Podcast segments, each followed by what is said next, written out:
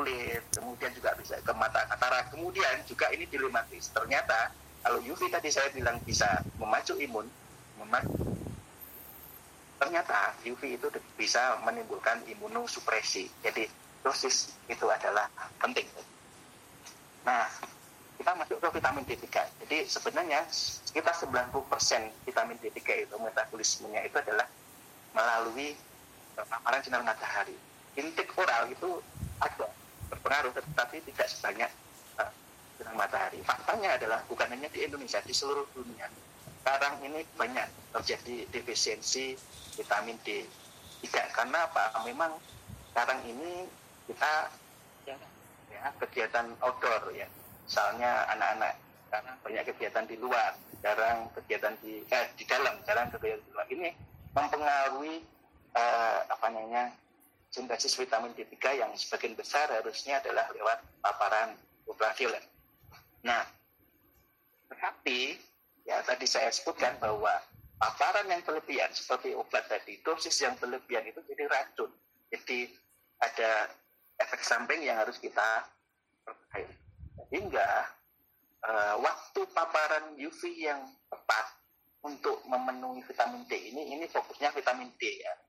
Kita vitamin vitamin D itu kita harus tahu. Nah, tadi sudah saya singgung. Ini ada dua istilah teknis yang mungkin nanti akan untuk mengerti jurnal ini yang pertama adalah uh, paparan UV untuk menimbulkan eritem. Ini saya saya saya gampangkan saja ya. Jadi tadi ada spektrum aksi tadi ya. Seperti saya saya singgung tadi ada pointer merah itu tidak diserap oleh hemoglobin. Uh, berarti tidak cocok atau tidak bereaksi untuk hemoglobin. Yang cocok ada apa? Hijau. Itu nanti berlaku kalau kita main di uh, laser. Nah, spektrum eritem ya untuk menimbul uh, eh, UV yang menimbulkan eritem itu nanti istilahnya adalah UV eri ya, di uh, underscore atau sub ya itu UV eri kemudian spektrum uh, atau paparan UV yang memacu vitamin D yang disebut UV big D.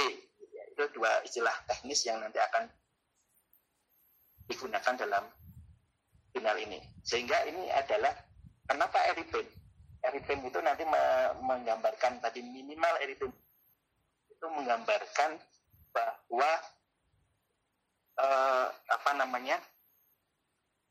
Bahwa uh, eritem itu menggambarkan efek samping. Nah, vitamin D, vitamin D-nya itu menggambarkan manfaat. Jadi ini balancing antara manfaat dan risiko. Ini akan uh, digambarkan dalam jurnal ini. Jadi UVRI menggambarkan nanti bagaimana itu minimal bisa menimbulkan samping UV D itu bagaimana uh, eh, UV dosis yang tepat untuk UVD minimal bisa.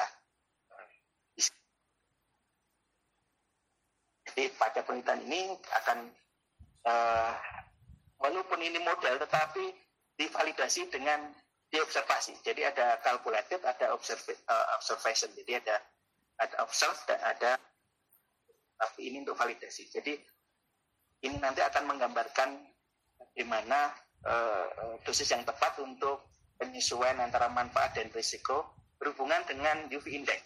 Ya, nanti kita lihat walaupun UV index di Jepang itu tidak setinggi kita, tapi kita bisa adopt untuk kita.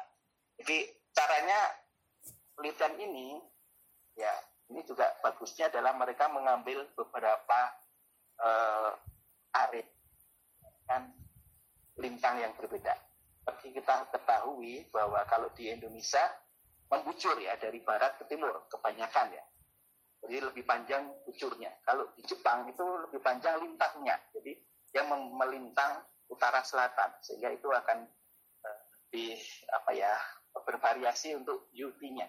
Contohnya di Sapporo itu adalah daerah paling utara Hokkaido kemudian di daerah uh, paling bawah Okinawa misalnya itu uh, di bawah selatan. Nah, Tsukuba itu dari tengah. Jadi itu uh, samplingnya adalah utara, tengah, dan selatan. Akan dilihat tiga sampling ini, tapi nanti akan dirata-rata dari tiga area ini. Ya. Nah, ini dilupakan aja, tapi intinya bahwa kuantifikasi dilakukan dengan mempertimbangkan debat kulit, kemudian jumlah aparan dan dan sebagainya. Ini ini rumusnya. Tetapi ini kita masuk ke validasinya. Jadi tadi saya sebut ini ada kalkulatif UV, tetapi dibandingkan dengan yang diamati beneran. Ini sebenarnya penelitian data ini eh, data ini untuk kompari, eh, komparasi bahwa kalkulat UV yang menimbulkan eritem itu sudah divalidasi dengan UV yang memang benar-benar menimbulkan eritem di lapangan. Jadi kita lihat bahwa korelasinya sangat kuat, sangat kuat ya, mendekati satu, mendekati satu sehingga kalkulasi ini menggambarkan observasi. Jadi ini ini apa namanya yang nanti dipakai. Kemudian juga kalau tadi antara uh, eritem kalkulasi dan eritem observasi, kalau ini antara eritem ya dengan panjang gelombang uh, apa irradiance uh, atau kekuatan intensitas UV dengan nah tadi ini saya uh, singgung tadi panjang gelombang kalau kita lihat ya uh, bermanfaat untuk sintesis vitamin D itu adalah antara kita lihat 290-an sampai 320-an. Ini kita lihat ada ada warna merah, ada warna biru, uh, yang ini eritem ya, ini eritem. Jadi yang yang kiri, yang A ini adalah eritem. Kita lihat yang warna merah, yang warna biru, yang warna hijau. Ini kita lihat spektrumnya tadi Pak ini UVB ya, 295 sampai 320-an. Kita lihat peaknya itu di sekitar sini, 305 sampai 310 ini ya. Nah, ini menggambarkan tiga musim. Kalau di di Jepang ada musim semi ya di Maret ma, uh, Maret itu semi kemudian Juni itu mendekati panas winter atau musim dingin di Desember hijau memang karena Desember jadi matahari jauh di selatan Desember ini yang hijau ini matahari ada di Australia di Australia di sana biru ini memang di tengah ya yang yang biru eh, maaf maaf yang merah maaf merah itu matahari ada di tengah jadi ada yang disebut equinox day. Jadi matahari ada di, di tepat di atas uh, apa uh, tempat kita berdiri tanpa ada bayangan itu disebut equinox day. Nah itu ini mendekati ini. Jadi kita lihat yang merah ini musim panas, yang biru ini musim uh, semi. Kita lihat memang ada hubungannya antara uh, matahari itu letaknya di mana. Tapi ini fungsinya bukan itu. Fungsinya adalah memvalidasi bahwa kita lihat yang yang di apa namanya uh, kita lihat yang di uh, ada garisnya itu yang yang pengamatan di lapangan benar nah, yang ada garisnya yang silang yang silang tok ini ini adalah kalkulasi kita lihat sangat sangat precise sangat akurat. Ya. jadi antara kalkulasi dan observasi ternyata memang panjang gelombang yang sesuai untuk produksi optimal UV uh, eritem itu adalah sekitar 305 310 ya nanti menurun 310 itu masih tinggi. Ini untuk eritem ya. untuk vitamin D bagaimana? Lebih sempit ya kita lihat tetap 305 310 tapi lebih sempit. Nah perpanduan antara UV eritem ini untuk efek samping jadi kalau kita lihat kalau di bawah 310, 315, 300, 200 itu adalah mendekati UVC. Artinya apa? Efek sampingnya lebih banyak. Nah, kalau uh, vitamin D itu kita lihat bahwa dengan 310 ini ternyata sudah tinggi produksinya. Ini yang tipiknya ya. Kita mengambil yang ini. Uh, pas Kenapa? Karena di bawah ini sampingnya uh, namanya lebih tinggi sehingga sebenarnya 310 itu lebih bermanfaat gitu. Ini nanti hubungannya dengan kapan kita berjemur. Nah, ini perbandingan antara kalau tadi masing-masing UV-RI, UV vitamin D, kalau ini adalah perbandingan antara UV-RI dan juga ya, linearis antara UV-RI eh, yang menimbulkan eritem yang bawah ini sama UV yang menimbulkan uh, vitamin D. Ya, uh, mungkin lebih gampangnya saya ambil yang macam tempat sejarah. Hasilnya hampir sama, tetapi ada beberapa variasi. Tapi kita lihat ya, kita lihat Naha tadi adalah di daerah paling selatan. Kuba itu di tengah, Sapporo di paling utara. Jadi yang paparan mataharinya paling tinggi adalah di Naha, Kuba. Tengah-tengah, Sapporo lebih rendah. Kita lihat, uh, kita lihat bahwa yang hijau, ya, hijau, ya, hijau ini adalah yang paling tinggi. Kita lihat bahwa ternyata ini di di ada tiga, tiga jam ya jam 9 jam 12 sama jam 3 jam 9 itu merah. Ternyata uh, jam 9 jam paling tinggi memang yang di uh, uh, biru ya. Ini coba biru. Ya biru itu artinya apa? Biru itu artinya adalah jam 12 ya di berbagai tempat biru itu paling apa namanya paling tinggi. Ya ini kita lihat UV erythemnya paling tinggi semakin tinggi. UV, uh, paparan untuk vitamin D-nya juga semakin tinggi. Artinya bahwa yang paling tinggi memang vitamin D3 itu atau erythem itu paparan jam 12 tetapi yang di merah ya kita lihat ini contohnya di tengah aja ya itu masih ya. Jadi di tengah yang uh, hijau itu lebih rendah. Ini mengambilkan bahwa uh, 9 itu masih bisa ada uh, paparan UV dan itu setara dengan UV untuk erythem ini sangat teknis tetapi mungkin nanti bisa uh, saya rangkum dalam yang lebih istilah awam jadi ini ini uh, kesimpulan dari tadi ya bahwa uh, paparan untuk vitamin D3 itu linear dengan paparan eritem. Jadi semakin tinggi eritem, semakin tinggi vitamin D3. Itu, itu cara gampangnya. Nah, tapi eritem tadi adalah kita mengusahakan eritemnya itu dengan yang paling tinggi. Artinya nanti di bawah minimal eritema Supaya apa? Supaya kita ambil manfaatnya tapi efek sampingnya minimal. Jadi hasilnya adalah seperti ini. Kita lihat, ya. kita lihat tadi uh, ini UV index. Ya, UV index menurut WHO sebenarnya yang 11 ke atas ini sangat jarang ya. Ada 11 12 Indonesia. Tapi rata-rata kalau Indonesia itu 10. Kalau indeks yang lainnya di Jepang itu bervariasi tadi ada Sapporo yang utara, tengah atau di selatan. Kita lihat bahwa kalau kita pakai UV 10 aja ya, kita lihat ya ini ada UV erythem ya. Ini ini ini intensitasnya. Kita kita tidak usah lihat ini karena ini secara teknis ya.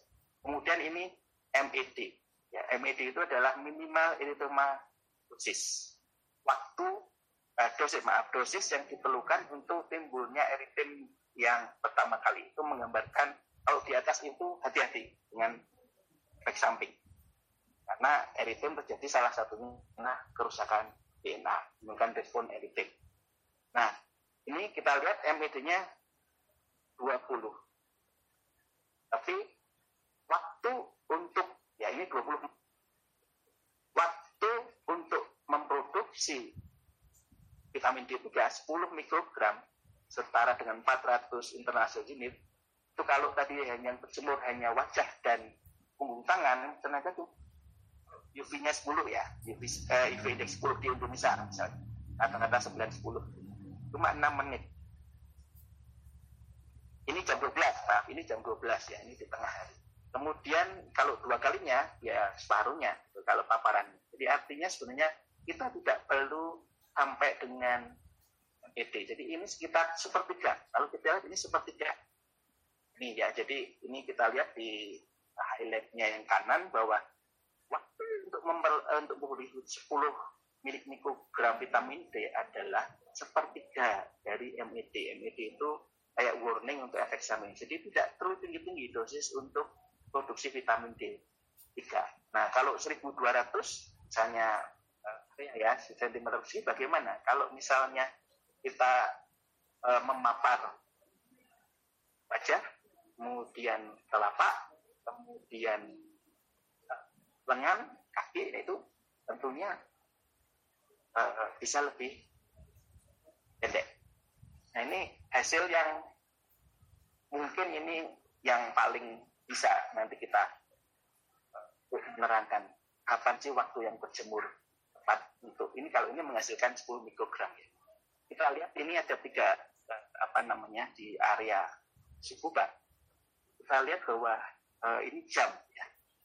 Jam dan ini waktu untuk ini waktu menit ya yang kiri waktu menit untuk uh, eh, MED ini waktu untuk uh, vitamin Ketika kita lihat bahwa ini jam. Kita lihat bahwa MED MED ini MED-nya itu ini. MED ini yang yang garis tidak putus-putus atau grafik yang tidak putus-putus ini di suku ya di tengah ini di tengah. Terus kemudian yang 600 uh, cm persegi wajah dan tangan. Ini kita lihat bahwa ini di di apa dosisnya agak uh, tinggi. Karena apa? Yang terpapar lebih sedikit kalau itu terpaparnya lebih banyak, maka dosis yang kita perlukan untuk vitamin D3 lebih rendah. Yang disebut tadi sepertiga, ini seper enamnya dari MED ini. Jadi ini adalah threshold nilai ambang MED. Hati-hati dengan retina bersambung. Artinya apa? Yang kita lihat jam 8, ya 8 ini sebenarnya sudah cukup untuk 8 ke atas ya ini sudah cukup untuk vitamin D 3. Tapi memang waktunya lebih panjang kalau kita mau lebih pendek, jam 9 ini sekitar 10 menitan ya. Jam 10 menitan, jam 10 lebih pendek lagi dan sebagainya. Istilah grafik ini jam 12 memang paling optimal. Tapi MED nanti juga kita harus lihat eh, berapa lamanya, kemudian juga eh, hati-hati dengan efek sampingnya. Demikian juga dengan tempat-tempat lain, ya. Jadi tempat-tempat lain kita harus hati-hati juga karena itu juga menimbulkan uh, apa bukan hati-hati eh, dosisnya juga hampir sama. Ya, jadi tempat lain.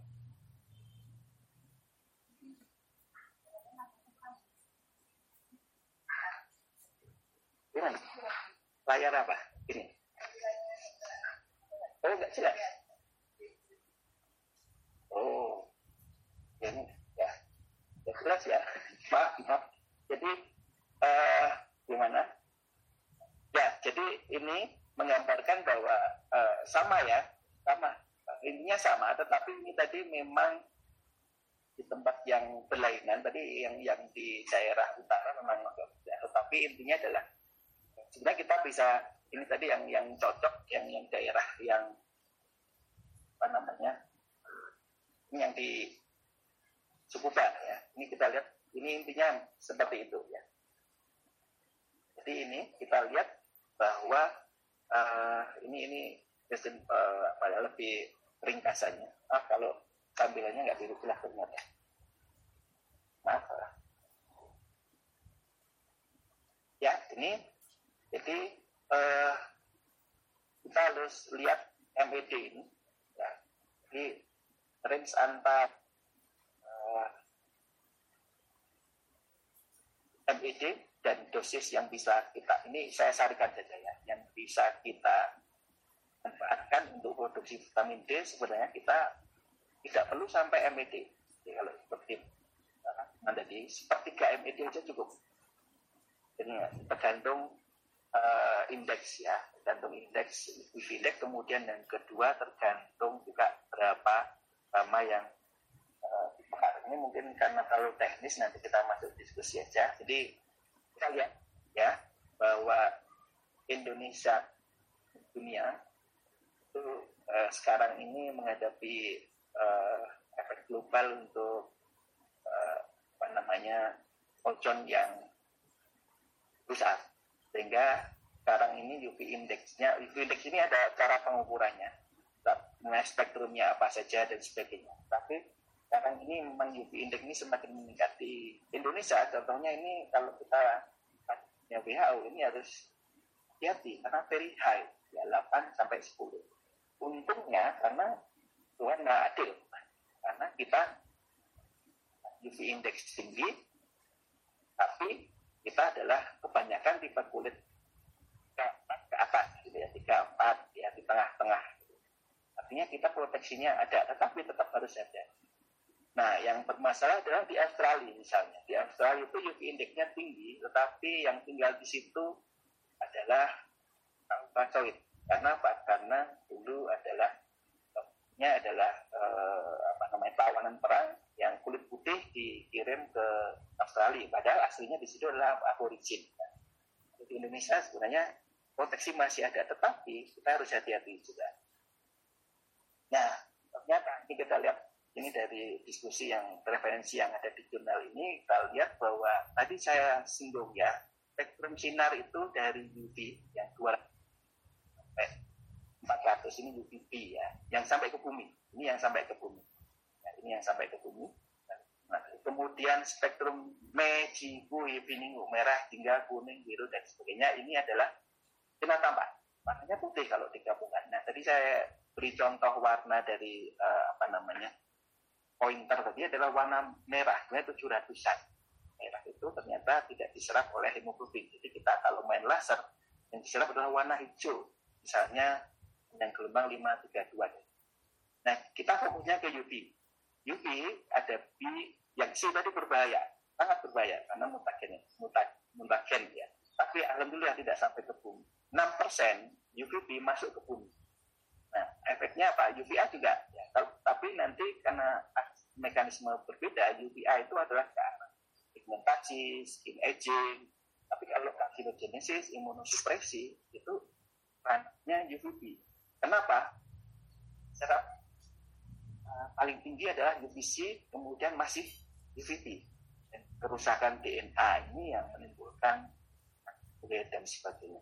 Kemudian yang cis ya, jadi ada isomeri isomerisasi dari organic acid dari cis menjadi tran dan pada imunosupresi di panjang gelombang berapa? UV juga. Jadi kalau kita mau meningkatkan imun tetapi UV itu ternyata juga menurunkan imunitas imunosupresi nah itu harus hati-hati dosis jadi kemudian ini macam-macam ini kemudian eh, vitamin D3 yang vitamin D3 sintesis ini yang kita ambil untuk manfaatnya.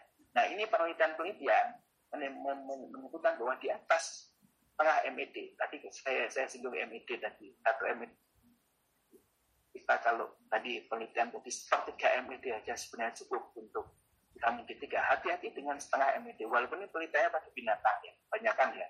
Setengah MED sampai 2 MED sistemik imunosupresi nah itu harus hati-hati. Kemudian efek karsinogenesis tadi yang tadi dan sebagainya Nah, referensi lainnya kita lihat bahwa tadi sudah saya singgung area 600 cm persegi itu apa sih yang di penelitian ini? Cukup wajah dan punggung tangan. Itu tadi sudah cukup me, me, me, me, apa, memacu vitamin D. Tidak, jadi waktunya tadi sudah ada hasilnya. Kemudian ini kalau uh, Kenzi dan kawan-kawan itu per 10 ya per 10 area body itu kalau ini eh, misalnya 9 eh, persen itu wajah. Tadi kalau yang tadi per 10 tadi wajah dan tangan sebagainya. Ini kita ada penelitian juga bahwa pelit yang terbagus ya itu kita 25 persen dari tubuh untuk dipapar jadi wajah ya, lengan. Itu ya ini kita lihat ya, ini grafik di kanan ini kita sebenarnya yang tadi ini adalah keseimbangan antara manfaat dan eh, bahaya. Seperti obat ya, seperti saya sampaikan tadi seperti obat UV itu aduh dosisnya tinggi. Kita yang merah ini, yang merah di atas ini tentang karena UV.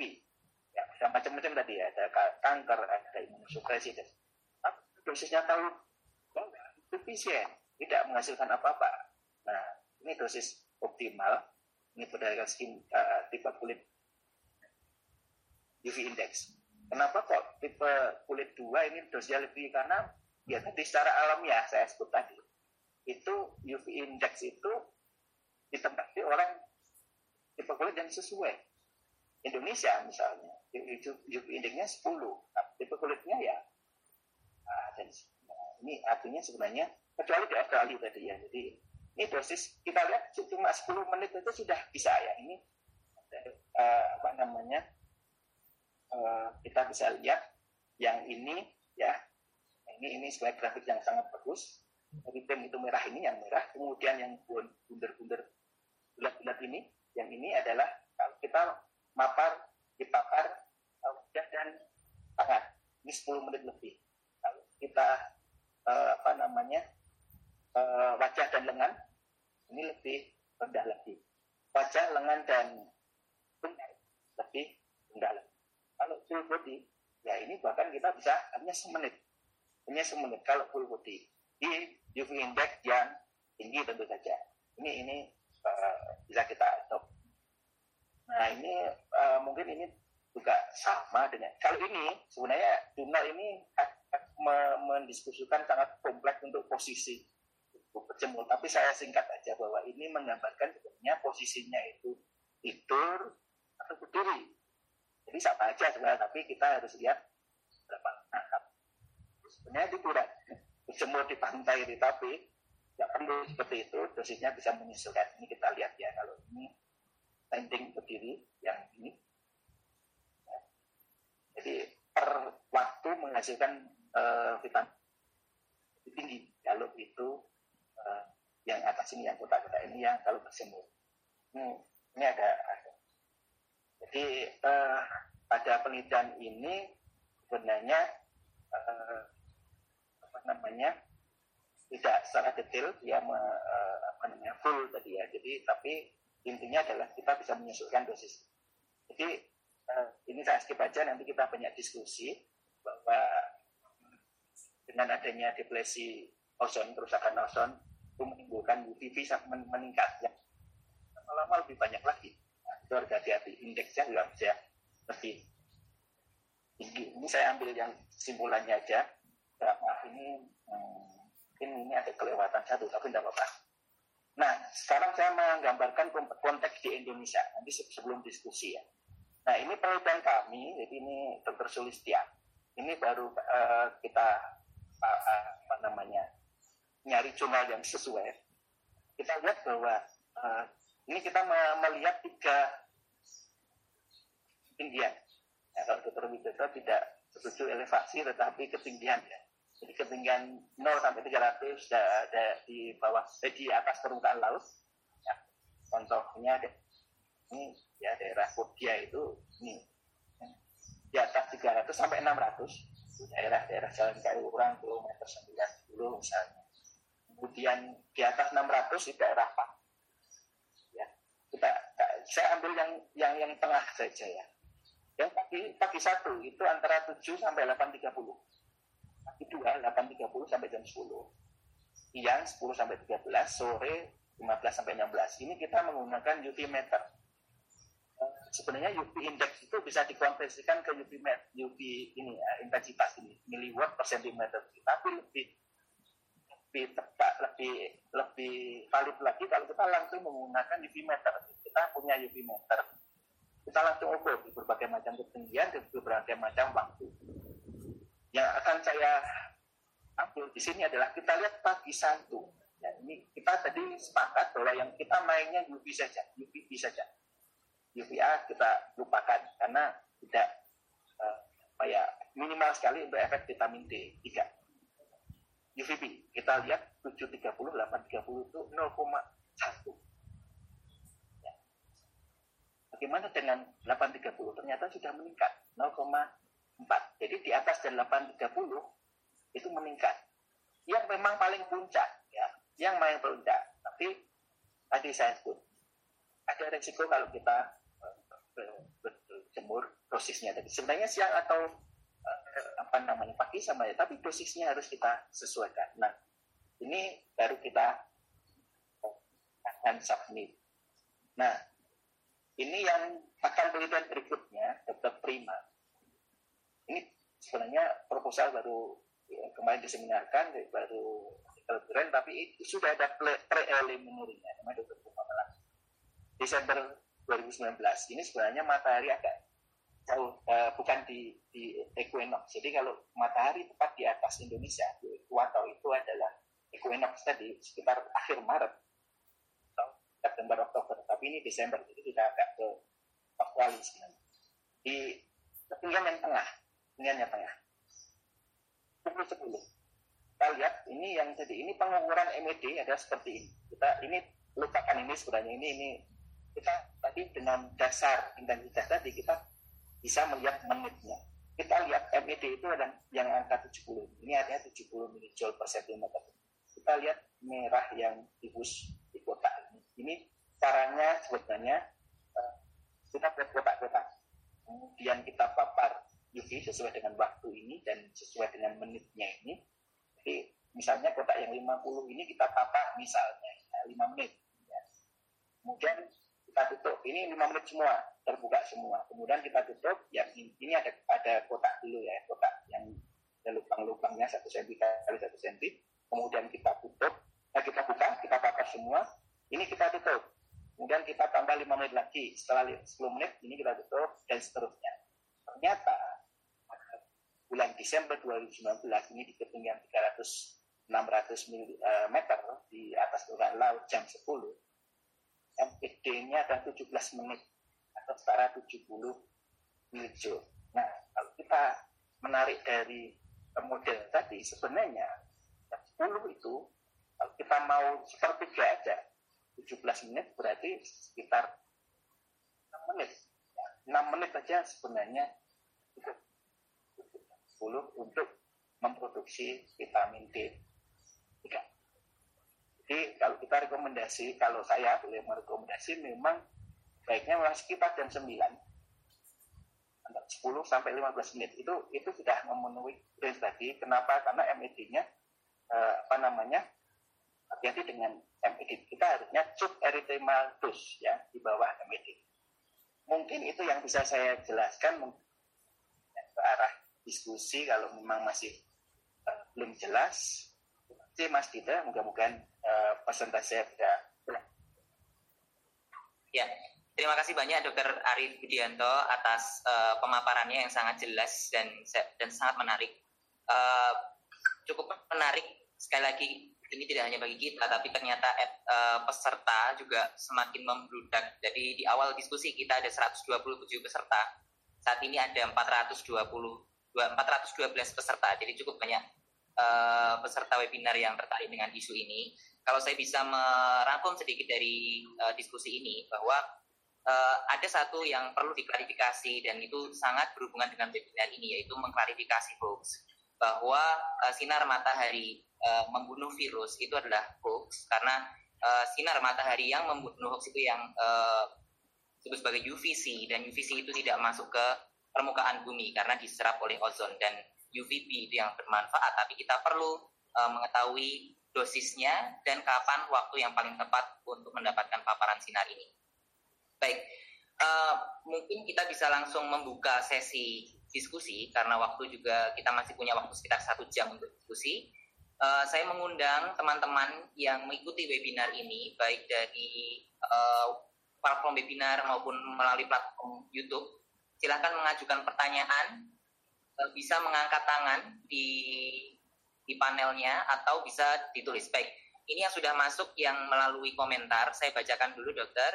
E, pertanyaan pertama dari Bapak Henry Sutapa. Assalamualaikum, Prof. Dokter. Jam berapa waktu yang tepat untuk berjemur untuk meningkatkan imun di tiap daerah di Indonesia? Dan bagian tubuh manakah yang harus terpapar sinar matahari? Terima kasih. Oh, dokter, mungkin ada tanggapan mengenai pertanyaan ini? Langsung ya Pak ya? Langsung ya Mas? Ini, ini Baik, terima kasih. Jadi terima kasih uh, ini Prof ya, Prof atau Bapak ya. Saya nggak tahu, mohon maaf saya tidak menyebut gelar uh, Mas Henry Sutapa. Jadi pertanyaannya jam berapa untuk berjemur meningkatkan imun di tiap daerah. Kemudian manakah yang harus terpapar. Nah, sebenarnya kalau saya di tingkat daerah itu nanti uh, saya salah ya karena nggak ada datanya. Tapi saya bisa me, e, menyampaikan ya. Kalau di Jogja kan daerahnya tengah lintangnya itu sekitar 8 ya 8 lintang selatan. Kita lihat bahwa lintang di Indonesia itu antara 6 lintang utara sampai 11 lintang selatan. Jadi sebenarnya kita lebih banyak membujur ya, barat sampai timur ya artinya sebenarnya eh, variasinya itu ada tetapi mungkin bisa saya ambil dari penelitian di Jepang tadi dan penelitian yang yang kami lakukan. Jadi kalau jam berapa tepatnya, ya memang kalau menurut saya tidak ada yang tepat atau tidak. Tapi harus kita lihat tadi, ya kita lihat UVB itu mulai muncul jam berapa sih? Mulai meningkat intensitasnya. Kemudian yang uh, kedua adalah gitu ya. Jadi kalau tadi sudah disampaikan oleh dokter gitu ya bahwa sebenarnya yang kita cari itu bukan membunuh virusnya, tetapi meningkatkan imunitas. Meningkatkan imunitas bagaimana dengan uh, salah satunya dengan vitamin D 3 ya. Tapi tadi saya sampaikan bahwa efek UV itu bisa supresi juga ya dan itu uh, apa spektrumnya adalah UVB juga ya tetapi ke arah UVC tadi. Nah kalau dari penelitian saya eh, kami dan di Jepang tadi kita lihat bahwa sekitar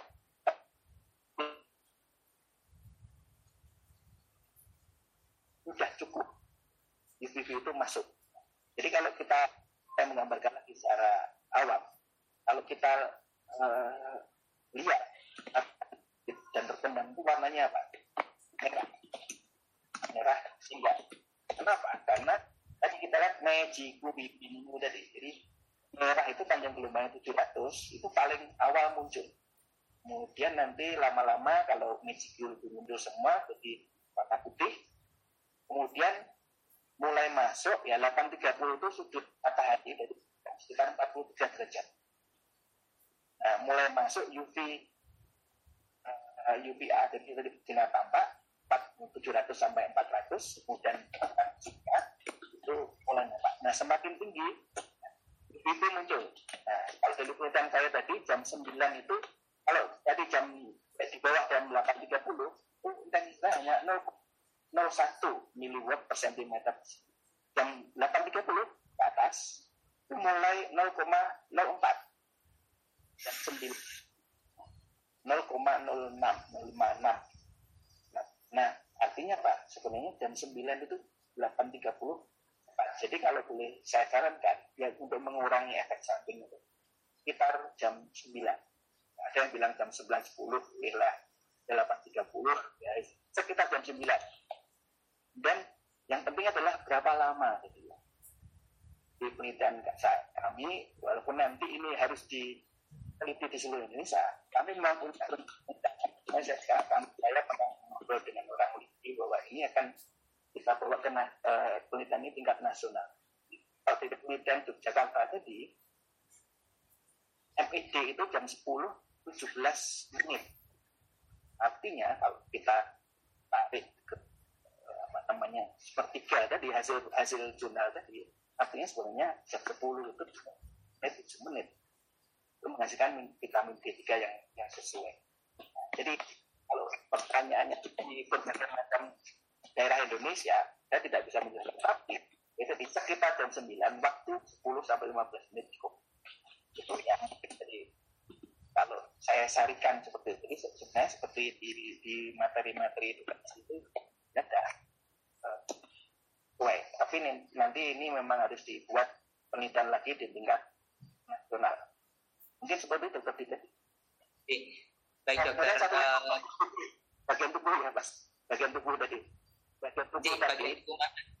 Ya, kalau di penelitian tadi, uh, sebenarnya ada penelitian yang menyebutnya 25 persen ya minimal terpapar. Apa itu? Wajah, lengan, uh, apa namanya, tangan, punggung tangan, sama tungkai bawah kaki lah. Gitu. Tapi tadi di penelitian kita menyesuaikan kalau 600 di, di jumlah tadi 600 mm persegi itu artinya wajah dan punggung tangan itu sudah cukup sebenarnya tapi waktunya agak lebih panjang kalau mau lebih panjang lagi pendek lagi lengan agak dibuka.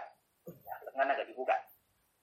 Mau panjang lagi tadi 25 persen tadi wajah lengan sampai tangan kemudian tungkai bawah itu 25 persen. Sudah cukup. Sekitar eh, 10 menit dah Baik dokter uh, Arif, terima kasih atas penjelasannya. Kami juga bersyukur ya karena ternyata ada penelitian yang dilakukan di Indonesia sehingga kita bisa menjawab uh, peran dari sunlight dan hubungannya dengan vitamin D ini dan hubungannya dengan dosis uh, minimal erythemal uh, dose tadi dengan bukti yang um, ada dan memang valid karena dilakukan juga dalam konteks uh, negara kita. Baik, mari kita lanjutkan ke pertanyaan yang berikutnya oleh Pak Marhaban Hadi Martono. Uh, benarkah pemahaman saya bahwa dosis UVB uh, sama dengan intensitas dikalikan waktu? Kemudian, jadi kalau pagi karena intensitasnya rendah, maka waktu yang dibutuhkan untuk berjemur lama, dan kalau siang maka uh, waktunya akan lebih pendek. Tapi juga ada UVA yang intensitasnya konstan gitu. Jadi meski kalau paparannya panjang maka terpapar panjang, sementara UVA memiliki risiko untuk menyebabkan aging dan juga teknik. Jadi ada beberapa pertanyaan nih kok dokter. Uh, monggo dokter Arif ya. kalau ada. Ya, terima kasih uh, Bapak Marhaban Hadi Martono ya. Jadi benar, benar pemahaman Bapak. Jadi bahwa dosis itu intensitas kali waktu. Intensitas itu apa? Irradiance tadi ya. Jadi uh, kalau saya nggak saya saya suka analogi kalau kita punya kendaraan ya kalau kita punya kendaraan e, misal motor ya. Kita mau dari Jogja ke Solo ya. Atau tahun ya, ya, kilometer ya. Nah, kita punya tergantung lama waktu kita mau ke e, apa namanya 100 km itu kayak dosis.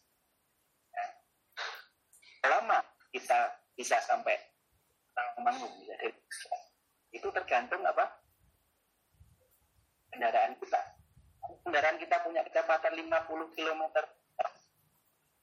maka sampai dua jam kalau kita punya kendaraan yang 100 km per jam maka cuma butuh waktu satu jam ini sama dosis itu kayak jarak tadi kalau intensitas itu apa? Intensitas itu yang kita ukur tadi irradiance tadi. Irradiance itu miliwatt per centimeter per per meter. Jadi kalau kita butuh tadi yang kalkulasi tadi, yang yang penelitian kami tadi, yang dokter Sulistia tadi, kita, itu tuh itu kendaraan kita. Kendaraan kita itu yang UVB tadi, UVB itu jam 9 tuh yang saya 0,04 ya 0,04 miliwatt per centimeter persegi. Artinya apa? Kalau kita butuh dosis tadi 70 milijoule, tadi kan yang kanan tadi gambarnya uh, milijoule, maka tinggal kalau ada intensitas itu dibagi intensitas detik. Ya, jadi 70 dibagi 0,04 itu dalam detik ya. Dibagi kalau menit ya. Jadi benar Pak, itu hitungannya adalah intensitas kali waktu dosis. Itu seperti hitungan yang tadi. Intensitas intensitasnya apa yang tadi yang yang diteliti tadi bahwa jam 9 itu kalau jam di bawah jam 8.30 0,01 itu apa seperti kendaraan tadi jadi rendah untuk UVP ya kecepatan rendah kita kalau kecepatannya agak lebih tinggi itu di atas jam 8.30 itu itu contohnya itu. Intensitas lebih tinggi. Ya itu ini pengairnya ini benar pemahaman bapak. Jadi semakin lama ya memang kalau kita 5 100 km per jam ya kita dalam dua jam ya lebih dari tahun lalu nanti. Itu maksudnya sampai mungkin ya sampai Ngawi mungkin sampai Madiun dan sebagainya. Itu itu itu analoginya seperti itu. Jadi kalau kita mau tapi kalau terlalu pendek ya cuma misalnya waktunya terlalu pendek ya cuma sampai Klaten itu sampai sama traffic tadi ya traffic tadi yang saya singgung bahwa uh, kalau overdose itu eritin tadi ya tapi kalau underdose itu ya tidak manfaat. Jadi dosis yang tepat. Jadi tadi sudah saya sampaikan hasil penelitian. Jadi kemudian ya UVA, UVA itu tadi munculnya setelah sinar tampak tadi merah merah tadi sinar tampak UVA. Kemudian kalau penelitian kami memang tadi memang karena sudutnya itu uh, apa namanya jadi pendek semua UV masuk Nah, tapi tergantung kalau kita mau contohnya di, di, bidang dermatologi, kalau kita mau e, menerapi vitiligo, maka yang cocok adalah UVA. Kenapa? Karena UVA itu adalah spektrum untuk tanning, untuk pigmentasi. Ya. Jadi kalau kita kenal SPF itu, itu adalah sun protection factor. Itu sebenarnya menggambarkan proteksi untuk UVB. Eritinnya tadi. Tapi kalau UVA itu ada walaupun internasional belum sepakat itu namanya PA ya uh, protection UVA ya. itu ada plus satu plus dua nah, itu sebenarnya yang dilihat adalah NPD minimal pigmented, pigmented ya jadi pigmentasi jadi kalau kita mainnya UVA itu mainnya adalah pigmentasi ya jadi walaupun itu bisa ada kerusakan DNA juga tetapi tidak langsung. Jadi dan itu aging ya spektrum aging dan tanning benar. Pak Mahaban sudah benar bahwa UVA itu berperan untuk aging dan tanning. Tanning itu yang pigmentasi tadi. Demikian dokter Peter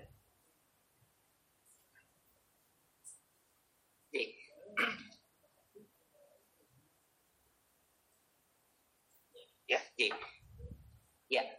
Baik dokter, terima kasih atas uh, penjelasannya. Uh, mungkin sebelum kita beralih ke pertanyaan berikut, saya ada juga beberapa pertanyaan mungkin dokter. Yang pertama mungkin bagaimana kaitannya dengan penyakit COVID-19 ini dokter? Jadi saat ini kita sedang menghadapi pandemi COVID-19 dan kemudian di masyarakat beredar informasi bahwa uh, sinar matahari itu baik uh, baik uh, dalam ya menanggulangi penyakit ini. Nah, uh, hubungannya dengan UVB, kemudian dengan vitamin D, dan dengan COVID-19 ini bagaimana sih dokter?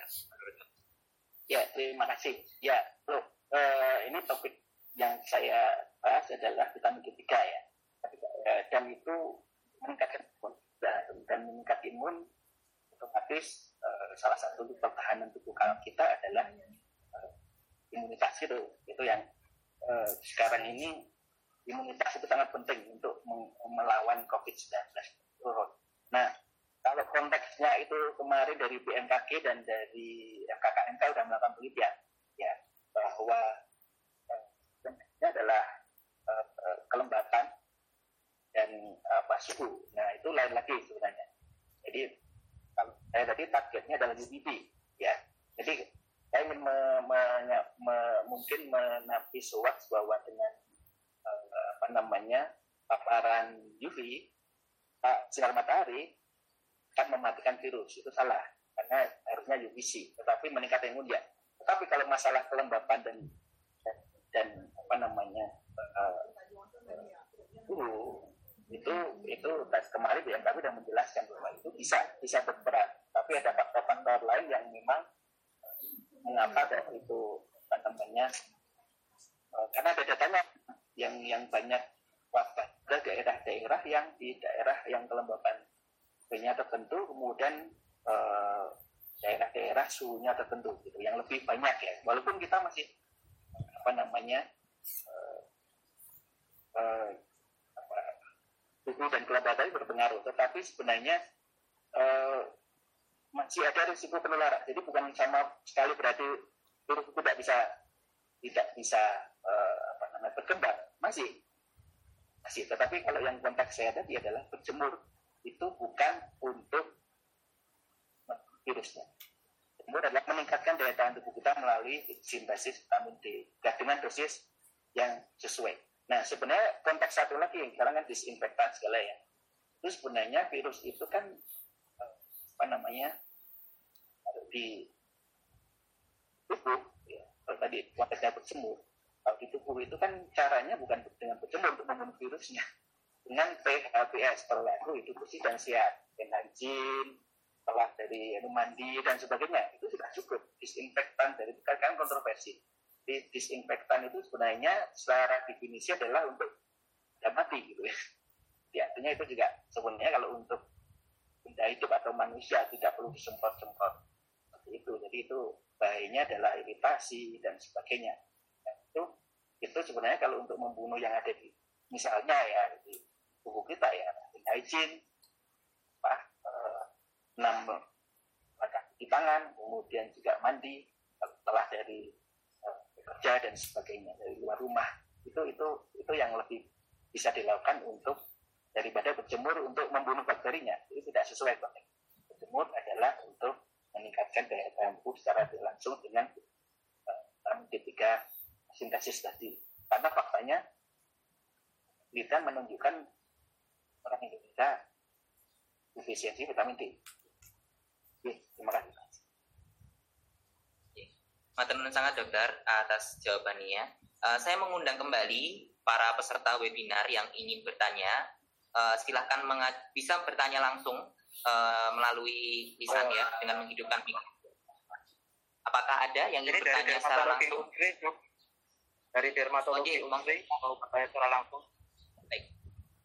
Baik, silahkan teman-teman dari dermatologi UNRI ya, mohon maaf kalau salah.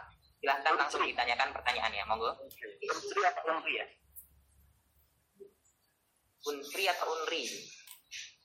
Unsri itu. Menteri mungkin. Unri, oh ya. Baik, silahkan ditanyakan pertanyaannya. Silakan dari dermatologi Unsri sudah kami buka mikrofonnya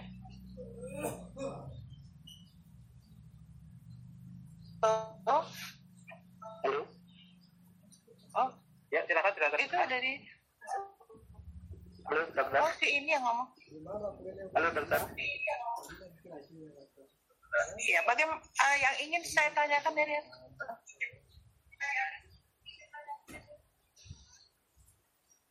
Ya. Um, mohon maaf, dokter, Uh, uh, terputus-putus. selamat siang. Bisa diulangi lagi Dokter? Arif, Selamat siang, dok. Ini dokter siapa Ya. nih? yang ke ingin ke ke ya, Palembang Unsri. J, gimana, dok? Ya, yang ingin ta- saya tanyakan bagaimana pajaran sinar matahari pada lansia dengan komorbid seperti diabetes dan lain-lain eh, untuk cara berjemurnya dan lama waktunya dan waktu yang terbaik.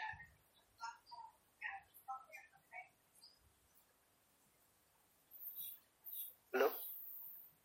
J? Pak, Halo. itu ada yang ingin Arif, Ya. itu dekat sekali dengan Katulistiwa. Ya, Emang itu dekat sekali dengan Katulistiwa. ya. Halo?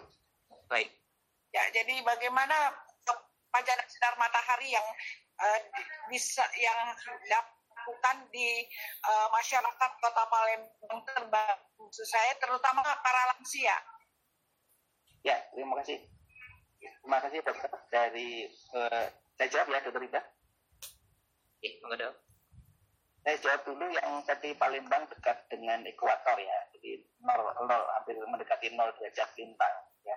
Eh, ada penelitian di Ekuador, ya. mungkin Ekuador itu plesetan ya, ya. plesetan dari ekuator ya, ekuator dari Ekuador. Ekuador itu juga sekitar nol derajat, ya, nol derajat lintang gitu. Dan itu ada penelitiannya, itu eh, eh, linear dengan penelitian ini. Jadi mereka menyarankan bahwa eh, sekitar perempat. Jadi ada whole, ada memang hipotesis apa, ada referensi dasar bahwa perempat 25 persen MIT ya 25 persen. Kalau tadi kan 0,3 persen ya sebagai 30 persen. Eh, 0, eh, kalau ini 25 persen perempat dosis MIT perempat MIT. Kalau di Ekuador ya ini yang tadi yang eh, kalau dokter menanyakan di Ekuador bagaimana? Itu di Ekuador ada penelitiannya dan tipe kulitnya hampir sama. Tipe kulitnya empat mereka tipe kulitnya empat dan bersama dengan Indonesia. Itu nanti mungkin bisa saya saya sharekan jurnalnya. Itu juga kesimpulannya adalah eh, sebenarnya linear dengan penelitian ini itu mereka menganukan 25 persen MIT itu. Nah masalahnya adalah tadi MIT kita itu berapa sih? Itu yang yang harus kita kita apa namanya kita eh, memang teliti bersama. Tetapi secara umum memang sebenarnya kalau tipe kulit tipe kulit ya kita kan tipe kulit 34 gitu ya. Jadi sebenarnya sama MED kita itu sebenarnya range-nya memang sekitar 60 sampai 80 di range ya MED. Jadi eh, karena sebenarnya kalau untuk fototerapi ya, untuk fototerapi itu dasarnya juga MED. Misalnya artificial fototerapi menggunakan UV yang uh, untuk psoriasis yang awal dulu broadband uh, fototerapi ya itu menggunakan basis MED. Nah, uh, basis MED itu sudah ada penelitiannya tipe kulit 4 itu MED-nya berapa yang memang sekitar antara seperti yang hasil kami tadi. Kalau MED artificial ya antara sekitar 80 milijoule, 70 80 lah. Antara kalau ringnya agak luas 60 80 milijoule itu broadband UVB. Jadi artinya seperempat dari 70 milijoule tadi itu bisa kita gunakan. Nah, masalahnya memang tadi ya, kita belum punya data secara nasional untuk berapa lama sih untuk meraih 70-80 micil. Kalau tadi kan beritanya di Jakarta. Saya sebut tadi pelintangnya adalah sekitar 8, 8 lintang selatan.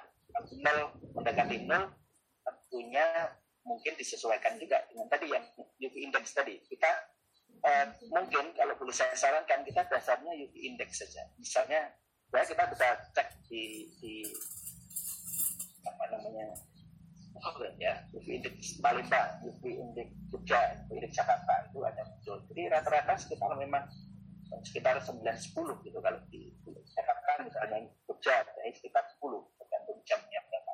Jadi dengan UV index tadi ada grafik tadi ya. Grafik yang saya sebut tadi UV index kita mulai berapa yang tadi. Itu kita lihat waktunya itu ya sekitar 10 menit sebenarnya. Di, di jam-jam jamnya berapa? Sudah saya sebut tadi mulai muncul itu adalah sekitar jam sembilanan itu mulai agak tinggi. Jadi saran saya sama sebenarnya karena kita kan memang daerah tropis ya dan luas ya. Jadi kita bisa general menggunakan menggunakan rumus tadi bahwa 6, 6 derajat lintang selatan di Jogja mungkin ya kalau ada perbedaan ada deviasi agak tidak signifikan. Seperti contoh di Jepang tadi. Jadi contoh di Jepang tadi saya ambil kenapa? Karena dia mengambil tiga area. Utara tengah sama mereka bisa menjenak di kesimpulan terakhir tadi saya tadi putus ya bahwa data itu bisa digunakan untuk seluruh Jepang.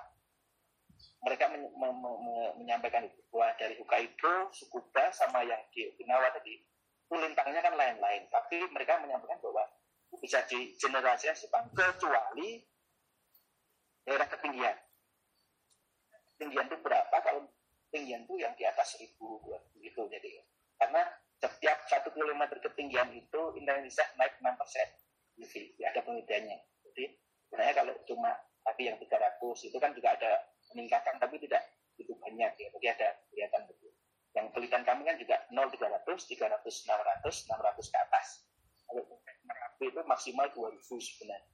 Enggak, enggak sampai mungkin 2000 jadi kita eh, enggak ada yang tinggal di dekat Merapi jadi artinya maksimal paling 1900an nah jadi kalau di Jepang tadi penelitiannya dari berbagai lintang tadi bisa diterapkan untuk seluruhnya di Jepang kecuali ketinggian tertentu. Karena apa? Karena memang uh, berarti masalahnya macam-macam kalau tinggi daerah. Jadi artinya kalau bisa mengeneralisasikan penelitian di Jogja dan ada beberapa penelitian lainnya sebenarnya yang sudah dilakukan. Itu sebenarnya sama tadi. di jam berapa ya? Sekitar jam 9 kemudian berapa MED atau berapa dosisnya? Ya sekitar 25 persen sampai 30 persen. Ya sekitar ya 10 menitan. Kemudian kalau untuk orang tua dengan komorbid bagaimana? Ya sebenarnya uh, indikasinya hanya satu sebenarnya adalah fotosensitif.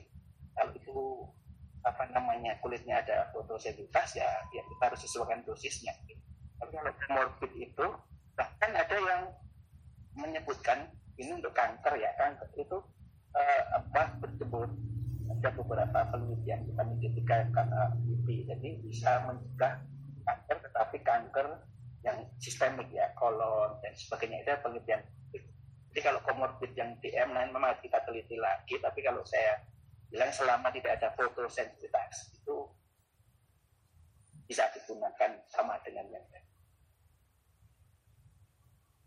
Terima kasih. Baik, terima kasih banyak Dokter Arif. Saya kira ini juga penting karena sekarang kita berada dalam fase uh, anjuran pemerintah untuk stay at home dan stay at home banyak uh, apa masyarakat lansia yang tinggal di rumah dan kemudian uh, tidak banyak terpapar sinar matahari. Tapi penting bahwa sinar matahari termasuk imunomodulator, tapi perlu ter, uh, tentu perlu diperhatikan uh, dosis dan waktu dan durasinya. Baik, saya lanjutkan ke pertanyaan berikutnya dari Dinkes Sleman, menikah ada Bapak Tunggul, ingin bertanya tentang minimal uh, erythemal dose yang berefek negatif pada kulit. Untuk situasi di Indonesia, apakah sudah ada penelitiannya? Mohon di-share juga Pak materinya. Terima kasih. mungkin Meniko sudah ada jawabannya tadi dari penelitian sebelumnya dari penelitian uh, di Departemen DV. Um, uh, saya lanjutkan dulu ke pertanyaan berikutnya. Mungkin Dokter Arif kalau mau menanggapi pertanyaan sebelumnya juga bisa. Uh, saya bacakan dulu dari Pak Manik atau Ibu Manik H. Terima kasih atas kesempatannya. Izin bertanya uh, praktisnya dok. Satu, beda program aplikasi pengukur UV pada saat hasil pengukuran indeks UV pun hasilnya berbeda-beda aplikasi mana yang baik atau direkomendasikan menjadi acuan kita. Pertanyaan kedua, dalam aplikasi yang saya gunakan yaitu UV iMate, ada opsi clouds on dan clouds off. Kalau saya tidak salah mengerti, maka clouds on adalah kita memperhitungkan ada awan sebagai faktor pengganggu. Jika off, maka dianggap tidak ada awan. Maka UV indeks yang terukur adalah murni tanpa gangguan awan. Maka pertanyaan saya, jika kita berjemur, untuk menghitung UV indeksnya gunakan clouds on atau clouds off. Kemudian yang terakhir, apakah jika kita rutin mengkonsumsi vitamin D3 sekitar 2000 international unit harian, apakah masih diperlukan berjemur? Oke. Baik, uh, silakan Dokter Arif untuk menanggapi beberapa pertanyaan ini. Terima kasih Dokter Bite. Eh, Dokter Tugul, selamat siang. Ini teman saya satu angkatan dan uh, tem teman juga untuk koordinasi COVID-19 ini beliau setiap hari meminta laporan dari saya jumlah kasus selamat siang dokter Tunggul jadi tadi sudah saya terangkan MED itu kalau tadi di penelitian ini menggambarkan uh, kita harus hati-hati di atas itu efek samping. Jadi kita kayak kayak, kayak thresholdnya untuk berjemur itu jangan sampai melebihi MED bahkan di 25 sampai 30 persen aja untuk konteks vitamin D3 sudah cukup. Nah, bagaimana di Indonesia? Jadi saya sudah sampaikan dan betul sudah menyampaikan juga bahwa kita akan membuat uh, penelitian di Jogja ya ini khususnya berbagai macam ketinggian. Kalau dokter Tunggul itu kelihatannya di daerah 300 sampai 600 ya, daerah uh, jalan tol kali kilometer 10 gitu ya. Nah itu pas penelitian jadi sekitar 17 menit itu setara dengan 70 milijoule itu MED.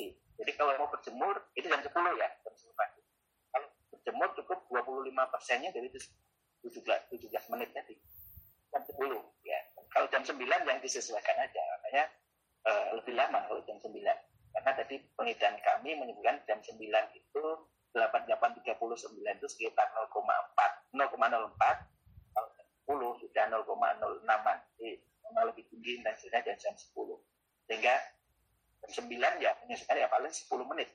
Kalau tadi 17 menit tadi MED kalau kita ambil 25 persennya terus per empatnya sekitar berapa ya 5 menitan ya kurang ya menit 5 menitan tapi kalau jam 9 itu adalah ya lebih ya mungkin jam 10 menitan dan itu berhubungan dengan yang ibu atau bapak manik ya eh, tapi catatannya di semua penelitian tadi di penelitian yang apa, di Jepang tadi dan penelitian kami yang tadi MED tadi itu adalah yang disebut cloud free.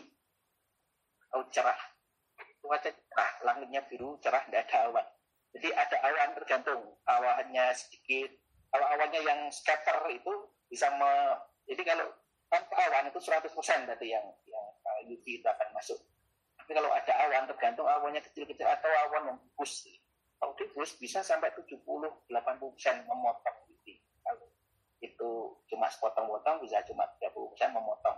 Jadi eh, saran saya kalau mau pakai aplikasi itu ya lihat aja awalnya banyak enggak kalau itu banyak ya cloudnya on karena tadi yang yang yang apa namanya cloud free kalau yang penelitian tadi adalah cloud free cloud free itu artinya apa artinya ya tidak ada awan jadi kalau ada awan berarti ya on kan ya oh, jadi faktor pengganggu memang UV index itu mempertimbangkan itu mempertimbangkan uh, cuaca juga awan tadi sehingga berbeda on dan off jadi kalau tadi off artinya tidak ada awan artinya 100% UV itu akan sesuai dengan dosis tadi kalau yang penelitian kami tadi itu cloud free jadi off ya uh, cloudnya adalah ada itu kita memang mulai tanpa awan terus sangat sedikit awan ya kemudian yang ke, uh, ketiga vitamin D3 2000 um, uh, international unit. Jadi seperti saya sebutkan tadi,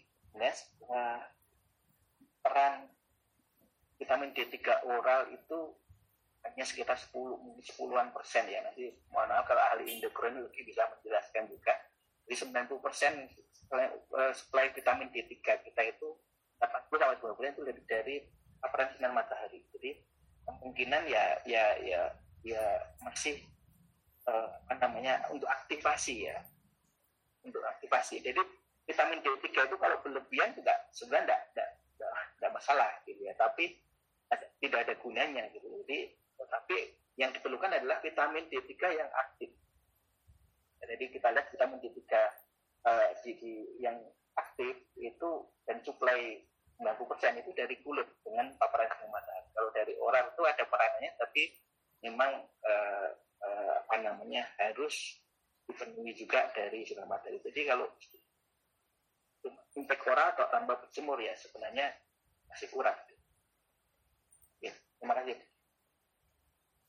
Terima kasih banyak Dokter Arif penjelasannya. Uh, baik, uh, saya mengundang lagi teman-teman yang mengikuti webinar ini melalui platform GoToWebinar. Apakah ada yang ingin bertanya langsung?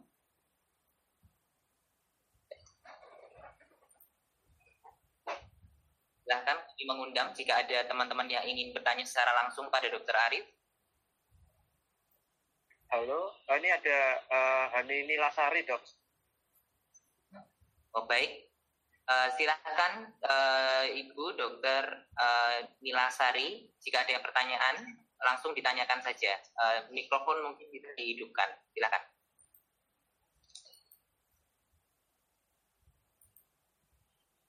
Halo, Ibu Hani. Silakan, Bu.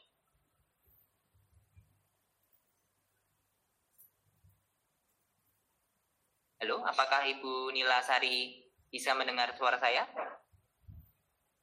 Silahkan langsung ditanyakan pertanyaannya.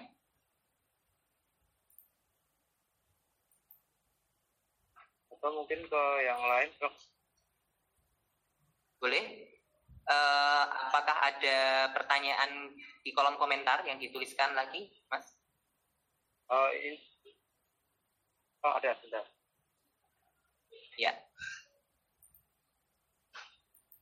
Baik, mungkin sambil menunggu, Dokter Arif, saya ingin sedikit bertanya uh, dan mungkin masukan juga untuk penelitian-penelitian yang akan kita lakukan. Uh, tadi Dokter Arif sempat menyatakan, mengatakan bahwa perlu dilakukan penelitian yang serupa yang saat ini dilakukan di, di Yogyakarta ini di berbagai wilayah di Indonesia. Tapi kemudian mungkin kita juga perlu menilai tidak hanya MED-nya, tapi juga kadar vitamin D yang berhasil yang diproduksi dengan uh, paparan sinar matahari yang ada di Indonesia karena tadi ada perbedaan kalau di uh, Jepang itu dosis sepertiga waktu sudah cukup mencapai 10 mikrogram vitamin D3 kemudian di Ekuador 25 persen nah, mungkin di Indonesia ada perbedaan meskipun kita hampir-hampir sama dengan Ekuador gitu, gitu. Ya. Baik, kita bisa lanjutkan ke pertanyaan berikutnya uh, dari Bapak Randi Renaldo izin bertanya, manakah yang lebih direkomendasikan antara suplementasi vitamin D per oral atau berjemur? Kemudian saya mungkin lanjutkan dulu ke pertanyaan berikutnya oleh Bu Ibu uh, Menul Ayu Umborowati. Dok, apakah rekomendasi waktu dan lama berjemur ini berbeda antara orang dewasa dan anak? Lalu apakah disarankan berjemur untuk sintesis vitamin D3 dengan menggunakan sunscreen? Ya. Dan yang terakhir pertanyaan dari Ibu Kristina Etnawati, apakah ada pengaruh usia untuk produksi vitamin D3? UVB sepertinya juga ada virus. UVC dipergunakan untuk sterilisasi ruangan OK. Bergunakah untuk COVID-19 dan bagaimana dosisnya? Terima kasih. Uh, silakan Dokter Arif jika ada tanggapan terkait pertanyaan-pertanyaan ini. Ya, yang pertama Dokter Randy ya, eh Pak Mas Randy Ronaldo ya. Uh, sebenarnya uh, dua-duanya ya. Suplementasi itu sebenarnya kalau defisiensi sekali. Tapi sebenarnya dengan intake intake makanan yang kita lakukan itu tidak perlu suplementasi kalau misalnya intake-nya sudah benar ya. Jadi makan empat sehat lima sempurna itu sudah. Kemudian kalau berjemur kalau kalau saya tetap tetap. Karena 90 persen tadi sintesis vitamin D aktivasi vitamin D3 itu dari berjemur. Ya berjemur itu bukan harus ya. Bukan harus untuk uh, apa stay gitu ya tapi dengan aktivitas lainnya olahraga. Dia bisa ya olahraga itu termasuk olahraga di luar ya. Misalnya jalan kaki dan sebagainya. Jogging bersepeda itu juga terpapar dengan matahari juga. Itu artinya itu tidak tidak perlu kita terus uh, apa namanya khusus untuk berjemur. Tetapi kalau aktivitas kita ada yang jadi kalau sekarang kan kita membatasi sekali. Walaupun cara di, di dermatologi selalu menyarankan pakai sunscreen tetapi misalnya apa namanya kita berjemur eh, cara yang lain olahraga aktivitas dan sebagainya. Aktivitas yang di luar ya paparan matahari.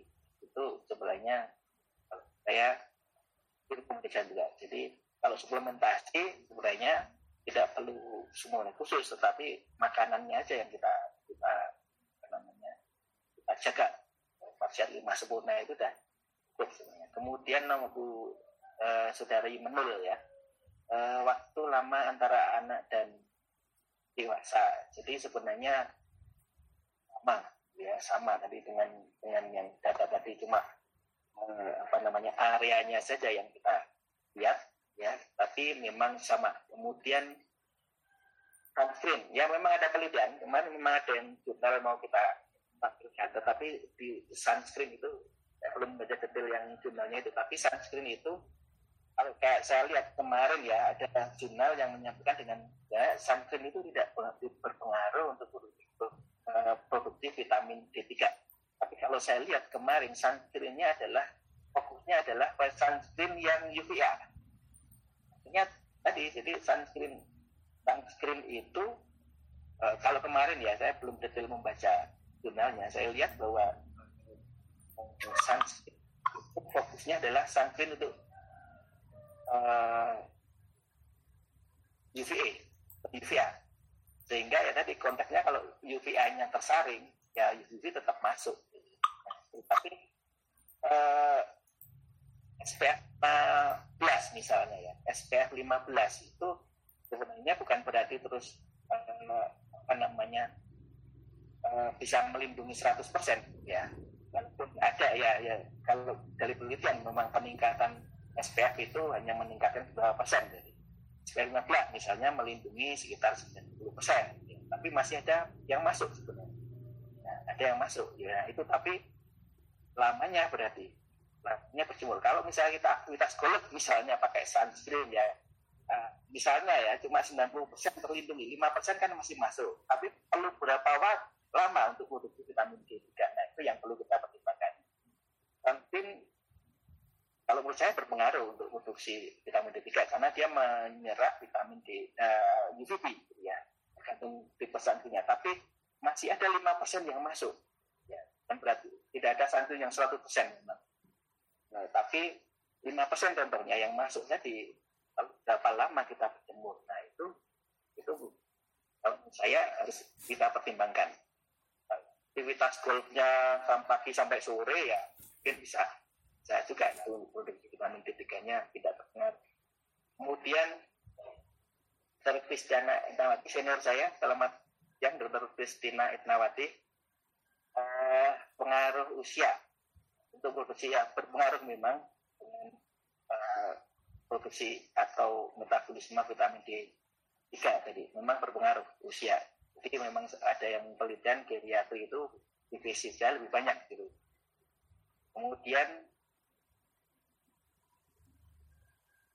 UV sepertinya efek merusak virus UVB. Kalau UVB tidak dokter karena uh, ya tadi kalau yang uh, virus itu kan anu ya apa namanya kalau menurut saya kalau konteksnya UV UVB itu tidak merusak yang merusak adalah vitamin C karena sterilisasi itu juga menggunakan vitamin C ya. Tapi uh, kalau ditanyakan di ruangan nah itu saya tidak bisa merekomendasikan ya kalau ruangan itu disinfeksi aja ya fogging disinfeksi itu kalau UVC itu karena kita tidak bisa mengontrol dosisnya.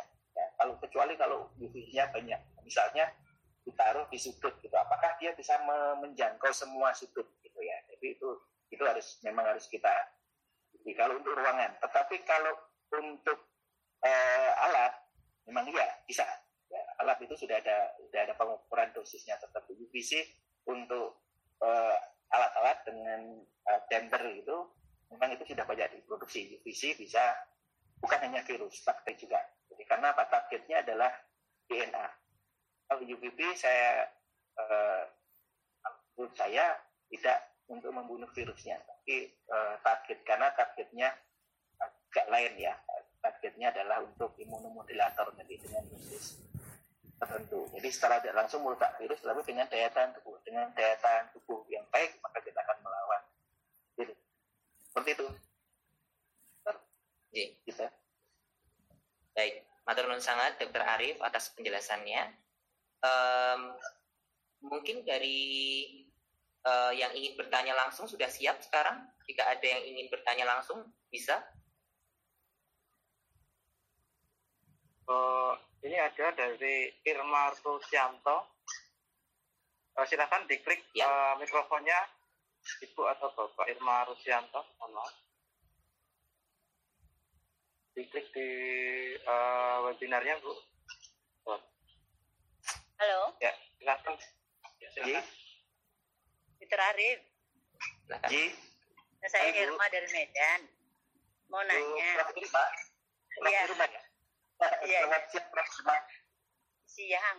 Uh, biasanya kan uh, tadi uh, kalau misalnya sudah tua, produksi vitamin D3 kita juga berkurang. Bagaimana kalau dengan penyakit autoimun? Uh, di sini apakah dengan berjemur juga efektif atau kombinasi uh, intake uh, vitamin D3 dan uh, apa uh, uh, dan berjemur. Kemudian saya mau bertanya kalau uh, kita mengharapkan paparan UVB ini, kalau dengan berenang kan uh, kalau wanita-wanita muslim kalau berenang juga pakai pakaiannya tertutup kan uh, uh, lengan dan kakinya sampai bawah apakah uh, persentase area yang terbuka itu sudah cukup untuk mendapatkan uh, pembentukan vitamin D3. Saya kira itu Dr. Ari, terima kasih, Matur Nun. Terima kasih. Lanjut ya. Prof Irma, selamat siang Prof Irma. Dia senior ya. Ya. Penguji saya kalau saya dulu ya Prof. ya, selamat siang Prof. Dr. Arif yang apa jadi guru saya.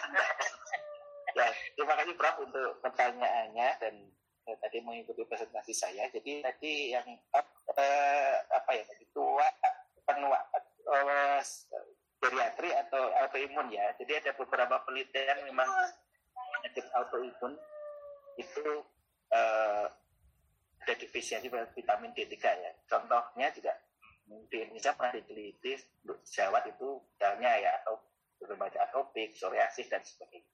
Nah, memang tadi eh, pertanyaan apakah kombinasi atau namanya cukup paparan ya? Menurut saya tergantung itunya, tergantung eh, apa namanya padatnya tadi. Bagus, tapi kalau ringan aja apa namanya dengan intake tadi ya intake makanan dan vitamin uh, paparan itu tidak cukup karena sebenarnya paparan yang disarankan itu adalah sekitar 1000 international unit ya per hari uh, mendekati itu tidak nah kalau kombinasi itu juga ya tapi faktanya adalah yang kita butuhkan itu 90% itu dari kulit sebenarnya. Itu bukan oral. Jadi kalau tidak ada aktivasi itu juga tidak bermanfaat. Jadi kalau mau kombinasi lebih bagus. Tapi kalau menurut saya jangan kurang saja gitu. tapi tetap ada paparan. Ada paparan. Sinar matahari. Kemudian juga eh, berenang. oh, berenang ya. Berenang itu tadi sebenarnya kalau berenang kan wajahnya nggak ditutupi ya Prof Irma kemudian tangan. Tadi kalau tadi di penelitian tadi 600 uh, milimeter uh, meter persegi. Milimeter eh, sentimeter sekian uh, itu wajah dan punggung tangan. Jadi kalau berenang ya aja itu. Kan tetap terbuka ya wajah. Dan itu sebenarnya udah sudah cukup tadi. Kalau itu tapi waktunya memang lebih agak sedikit lama. Kalau berenang kan lumayan lama ya. Jadi itu itu bisa. Atau kalau mau tambah ya ya ya kalau mau memang tertutup semua ya wajah dan minimal wajah dan buku kaki tapi waktunya tadi memang bisa lebih lama. Tapi kalau penelitian yang di Jogja jadi memang eh, apa namanya dengan menggunakan lengan. Itu jadi berenang minimal gunanya wajah dan punggung tangan itu kalau tadi eh, apa namanya 600 cm persegi tadi sudah cukup. Tapi kalau misalnya mau ininya, misalnya ya misalnya kalau itu itu eh, berenang yang khusus perempuan nanti bisa lengannya sedikit di eh, sehingga lengan bawah telapak eh telapak sama punggung sama wajah itu lebih banyak yang terekspos lagi tapi minimal wajah dan punggung tangan menurut penelitian di Jepang jadi sudah cukup. Demikian dokter Titus. Ya, terima kasih banyak dokter Arif atas penjelasannya. Uh, baik, mungkin ada pertanyaan lagi melalui komentar atau ada yang ingin bertanya secara langsung lagi, silahkan. Ya, baik, mohon izin dokter Meniko ada beberapa pertanyaan. Yang pertama dari Bapak atau Ibu Yasin Berapa lama UVB bisa tersimpan di dalam tubuh? Apakah harus langsung terpapar sinar matahari serta langsung terjadi reaksi untuk mendapatkan vitamin D tersebut? Terima kasih sebelumnya. Kemudian saya juga lanjutkan ke pertanyaan berikutnya oleh Dr. Dr. Khaira Anum. Selamat pagi dokter, selamat siang dokter. Izin, saya mau bertanya dok. Pada webinar ini yang dipaparkan yang kita vitamin D. Bagaimana jika efek yang kita harapkan adalah efek repigmentasi pada kasus vitiligo. Berapa indeks UV vitiligo yang diharapkan dan jam berapa sebaiknya dok? Terima kasih banyak.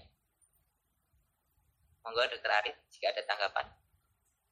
Ya terima kasih. Ini Pak Yasin ya, Yasin ya. Uh, saya nggak ya nggak tahu tersimpan tuh maksudnya gimana ya. Jadi UV yang memang tidak bisa disimpan, jadi efeknya seperti men-trigger saja. Jadi tadi saya saya sebut ada absorpsi ya. Jadi kalau misalnya UV, kalau itu targetnya DNA, ya contohnya ya DNA, maka dia akan uh, diserap DNA. Setelah itu ya bereaksi. Jadi UV-nya nggak disimpan cuma untuk uh, apa memacu reaksi saja. Jadi memang ya harus terpapar. Ya. Jadi uh, kemudian reaksi ya memang langsung bereaksi tetapi tadi mungkin belum kita singgung ya berapa sering sih kita berjemur jadi sebenarnya tidak tiap hari sebenarnya pasar rutin frekuensi jadi ada penelitian menyebutkan bahwa uh, low dose frequently itu lebih bagus dari high dose tapi cuma sekali gitu. jadi artinya berat tadi kalau mau berjemur 5-10 menit mungkin uh, kalau uh, saya ada penelitian juga tidak perlu setiap hari tiga kali seminggu sudah cukup 10 menit dan itu rutin. Jadi bukan hanya sekali tak berjemur tapi satu jam gitu itu tidak tidak, tidak bermanfaat. Jadi bahkan efek sampingnya lebih banyak. Tapi eh,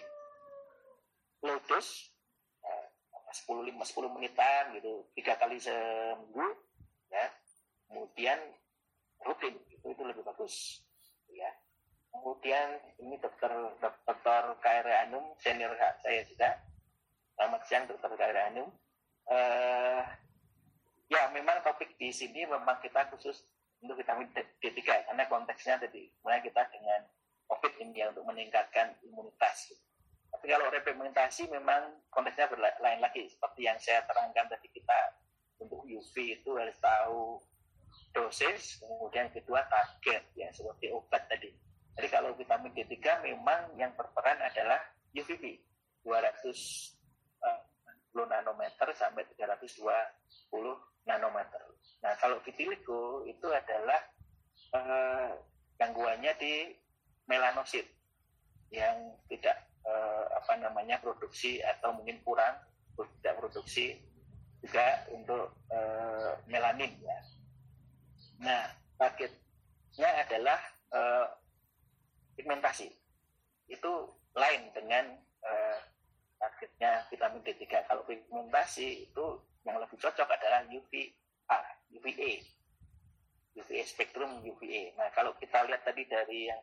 penjelasan saya tadi spektrum UVA itu tadi Mejiku merah. Merah jingga itu mulai terbit segera setelah itu uh, warna merah hilang jadi ya putih warna putih dan sudah nggak kelihatan warna. Itu UV mulai masuk UVA masuk. Di penelitian kami memang uh, sekitar jam 6.7 itu sampai jadi 8.30 mulai UVB jadi artinya supaya menghilangkan efek yang tidak diperlukan UVB ya di bawah jam 8.30 tadi UVA masih tinggi ya, bawah 8.30 lah nah kemudian indeks ya tadi sebenarnya eh, sebenarnya gini jadi UVA itu kalau kita lihat di fotobiologi itu tidak efeknya tidak direct semua jadi harus ada perantara yang disebut foto sensitizer. Makanya kalau di terapi di uh, apa namanya di uh, uh, itu disebut UVA ya, soria, uh, soralen UVA. Jadi ada psoralen-nya. Kenapa psoralen? Karena psoralen itu akan menyerap UVA, kemudian ada reaksi uh, ya, ya, ya gampangnya gitu. Nah, kemudian untuk vitiligo itu cocoknya adalah halus ada psoralennya tadi ya di yang topikal itu ada dirsolalen misalnya. Nah, itu jadi kalau lebih lebih lebih apa namanya uh, cocok lagi sebenarnya kalau repigmentasi itu ya harus ada kalau mau lebih optimal itu harus ada photosensitizer-nya contohnya soralen tadi topikal atau oral itu jadi kalau dosisnya tergantung kita mau pakai apa namanya uh, sensor atau enggak. Jadi kalau sebenarnya untuk berjemur saja UVA itu bisa sih, tapi sebenarnya kurang optimal. Ya, kurang optimal kalau tanpa foto sensor. Tapi eh, lebih optimal kalau pakai foto sensor. Kalau dosisnya tergantung dari kalau baiknya memang karena UVA tadi saya terangkan di bawah jam supaya UVB-nya belum muncul. Supaya UVB-nya belum muncul. Mungkin gitu Pak. Sudah. Oke. Baik. Teman sangat uh, eh, Dr. Arif atas penjelasannya. Baik, kita masih ada sedikit lagi waktu mungkin uh, satu kali lagi mungkin bisa sesi pertanyaan. Silahkan kalau ada yang ingin bertanya dari webinar, ingin bertanya secara lisan, silahkan ada. Belum. Baik, saya bacakan untuk pertanyaan yang ada di kolom komentar dari Bapak Wahyudi Istiono. Dok, apakah sensor nyeri kulit bisa juga dijadikan cukup tidaknya paparan matahari di kulit? Misalnya sudah terasa menyengat, maka sudah di stop. Sehingga secara biologis bisa dipakai dipakai seperti petani sadar kapan stop bekerja di sawah dan bebas kanker kulit. Kemudian untuk pertanyaan berikutnya dari Ibu Tina Judistiani, seberapa akurat hasil pengukuran UV index di Indonesia? Apakah ada institusi, institusi yang bisa mengeluarkan data UV index di Indonesia tersebut? Kemudian info yang saya terima, 8 punya alat yang mencatat energi iradiasi matahari di setiap ibu kota provinsi. Apakah di Yogyakarta ada data tersebut? Kalau energi ini diketahui secara faktual per jam, misalnya antara jam 6 sampai 6 sore, maka waktu pemaparan bisa dihitung pada setiap jamnya. Baik, monggo Dr. Arif, uh, silakan jika ada tanggapan terkait pertanyaan-pertanyaan ini. Ya, yang sensor nyeri kulit ya, ya memang kalau sudah ada nyeri, sudah ada klinis berarti sudah ada kerusakan gitu. Jadi ya, ya, ya ibaratnya sensor mobil ya. Kalau sensor mobil sudah bunyi cek gitu ya sudah nabrak gitu. Itu sama jadi wah sudah nabrak itu tahunya gimana sudah ada suara jedor gitu ada suara nah, itu sebenarnya sudah terlambat gitu jadi sama kalau sudah nyeri kulit berarti tidak ada istilahnya misalnya ya terbakar surya jadi itu sudah melebihi MED nah MED itu eh, sebenarnya minimal eritem yang sebelum eh, ya baru eritem yang yang deteksi setelah itu apa? Ya resiko sunburn tadi gampangannya gitu yang efek akut ya. Nah sebenarnya ada yang disebut istilah skin hardening. Nah, kenapa kok itu terus kuat? Tahan hama karena dia dari awal ya dia sudah pekerjaannya di sawah dan ada memang kita ada jadi kita hidup di Indonesia dengan tipe kulit empat ya itu ada respon uh, pelindungan ya. Kalau kita ya uh, jemur kemudian kita jadi menghitam. Merah um, hitam ya istilahnya. Jadi tanning itu sebenarnya pelindungan sebenarnya. Pelindungan karena di melanosit itu dia akan menyerap ya menyerap UV ya sehingga tidak sampai ke DNA itu pelindungan ya. kulit yang empat yang petani-petani dia kerja itu karena dia bekerjanya dari muda gitu. jadi ada skin hardening jadi dia aku kulitnya jadi menebal ya sehingga dia akan secara uh, apa nama alamiah Hmm, jadi akan dosisnya kalau untuk terjadinya kesabaran itu jadi lebih uh, tinggi lagi diperlukan. Itu terjadi juga di fototerapi untuk kulit. Jadi kenapa fototerapi itu dosisnya lalu meningkat terus ya kali kunjungan atau setiap tiga kali kunjungan karena memang ada mekanisme skin opening gitu. Jadi kalau menurut saya kalau sudah kulitnya menyengat sudah uh, ya sebenarnya itu sudah efek takutnya sudah mungkin itu bisa bisa juga dilakukan tetapi sebenarnya tidak ikut terlambat kalau menyengat menyengat gitu jadi uh, memang ya petani-petani itu memang kenapa dia tahan karena memang dia sudah sudah bekerjanya tiap hari kemudian juga ada skin hardening tadi ya kemudian Tina ya atau Mbak uh, Saudara Tina uh, Tina Judistiani akurat indeks ya, tapi saya tidak bisa membedakan. Tapi itu ada lembaga resminya yang mengeluarkan indeks termasuk oleh juga di indeks. Tapi kalau ukuran mestinya akurat ya. Nah kalau yang sebenarnya yang masalahnya adalah kita uh, ukurannya adalah UV index ya. Tapi itu kemudian dikonversikan menjadi yang irradiance. Jadi kalau kalau sepengetahuan saya belum ada yang mengukur irradiance. Ya, yang kita ukur. Nah, tadi saya sudah singgung bahwa saya punya koneksi LIPI, ya bukan 8 ya, salah saya yang LIPI itu mereka tertarik dengan ide penelitian tadi. Nah, kalau tadi kan kami melakukan penelitiannya manual. Jadi kita punya UV meter, eh, tadi dokter Tia itu dan tim itu mengukur mengukur jika tidak engkusnya cocok, tidak ada mendung dan sebagainya ketinggian tertentu, diukur. Ya, diukur manual. Nah, LIPI itu punya ide untuk menempatkan di berbagai macam tempat dan itu bisa real time, bisa 24 jam, bisa setahun. Nah, nanti datanya kita angkat untuk uh, seluruh Indonesia dan itu lebih lebih real karena 24 jam berbagai musim dan itu nanti akan dimasukkan ke macam untuk aplikasi konversi UV index ke irradian karena kita untuk uh, waktunya itu lebih tepat lagi dengan irradiance tadi karena saya sebutkan tadi irradiance intensitas yang bisa kita ukur untuk menentukan waktu berapa lama kita berjemur.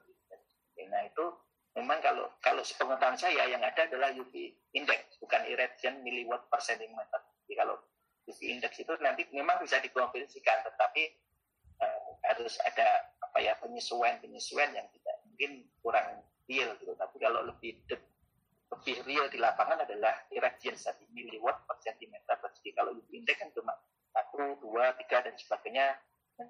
sembilan walaupun ada kesetaraan. Misalnya satu indeks empat muncul per mili, uh, eh, watt per meter persegi misalnya seperti itu. tapi nantinya memang uh, semacam konversi bisa tapi kalau mau real memang iradian tadi nah itu kemudian nanti yang eh, uh, LIPI tadi bisa bekerjasama dengan kami. Mungkin nanti kita tidak lebih kalau bisa seluruh Indonesia kita punya data. Berapa lama sih yang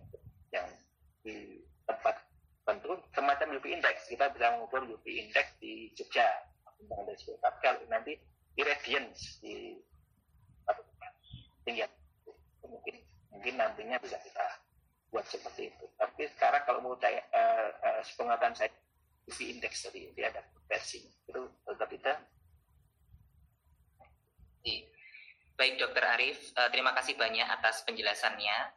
Tidak terasa kita sudah uh, hampir satu jam uh, men menyaksikan, mendengarkan, mengikuti sesi webinar kali ini. Um, um, mungkin saya sudah waktunya untuk saya merangkum sedikit mengenai webinar kali ini. Yang pertama saya mengulangi lagi apa yang sudah dikatakan oleh Dr. Arif bahwa sinar matahari itu adalah obat dan sinar matahari khususnya UVB itu penting dalam sintesis vitamin D3 yang itu bersifat imunomodulator tentunya penting juga uh, dalam masa pandemik saat ini COVID-19 tapi sebagaimana biasanya obat pasti ada juga yang disebut sebagai dosis toksik penelitian yang dipaparkan pada siang hari ini uh, menjawab pertanyaan mengenai balance berapa dosis optimal yang diperlukan yang bisa kita dapatkan tanpa mendapatkan efek negatif. Penelitian ini menunjukkan bahwa uh, dengan pemaparan di wajah dan di punggung tangan sebesar 600 uh, cm persegi uh, cukup dibutuhkan sepertiga waktu uh, paparan UVB.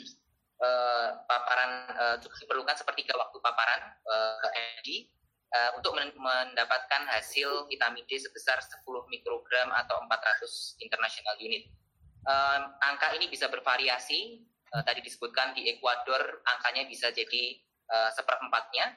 Dan uh, di Indonesia sudah dilakukan penelitian di Yogyakarta oleh Departemen DV FKKM KUGM. Dan di, di data ini didapatkan bahwa MED kita adalah uh, 17 menit dengan uh, 70 mikrojoule. Baik, tentunya diperlukan penelitian lanjutan di lokasi-lokasi lain di Indonesia dan mungkin juga diperlukan uh, penelitian untuk berapa vitamin D yang didapatkan uh, dengan paparan UVB sebesar itu. Mungkin dari Dokter Arif, apakah ada uh, uh, masukan lagi dok untuk menutup sesi webinar kita siang hari ini? Ya, terima kasih. Jadi uh, memang kita harus mensyukuri bahwa kita tinggal di daerah tropis matahari itu ada sepanjang tahun. Kita harus melihat juga mengapa itu bisa bermanfaat. Matahari itu bisa berbahaya.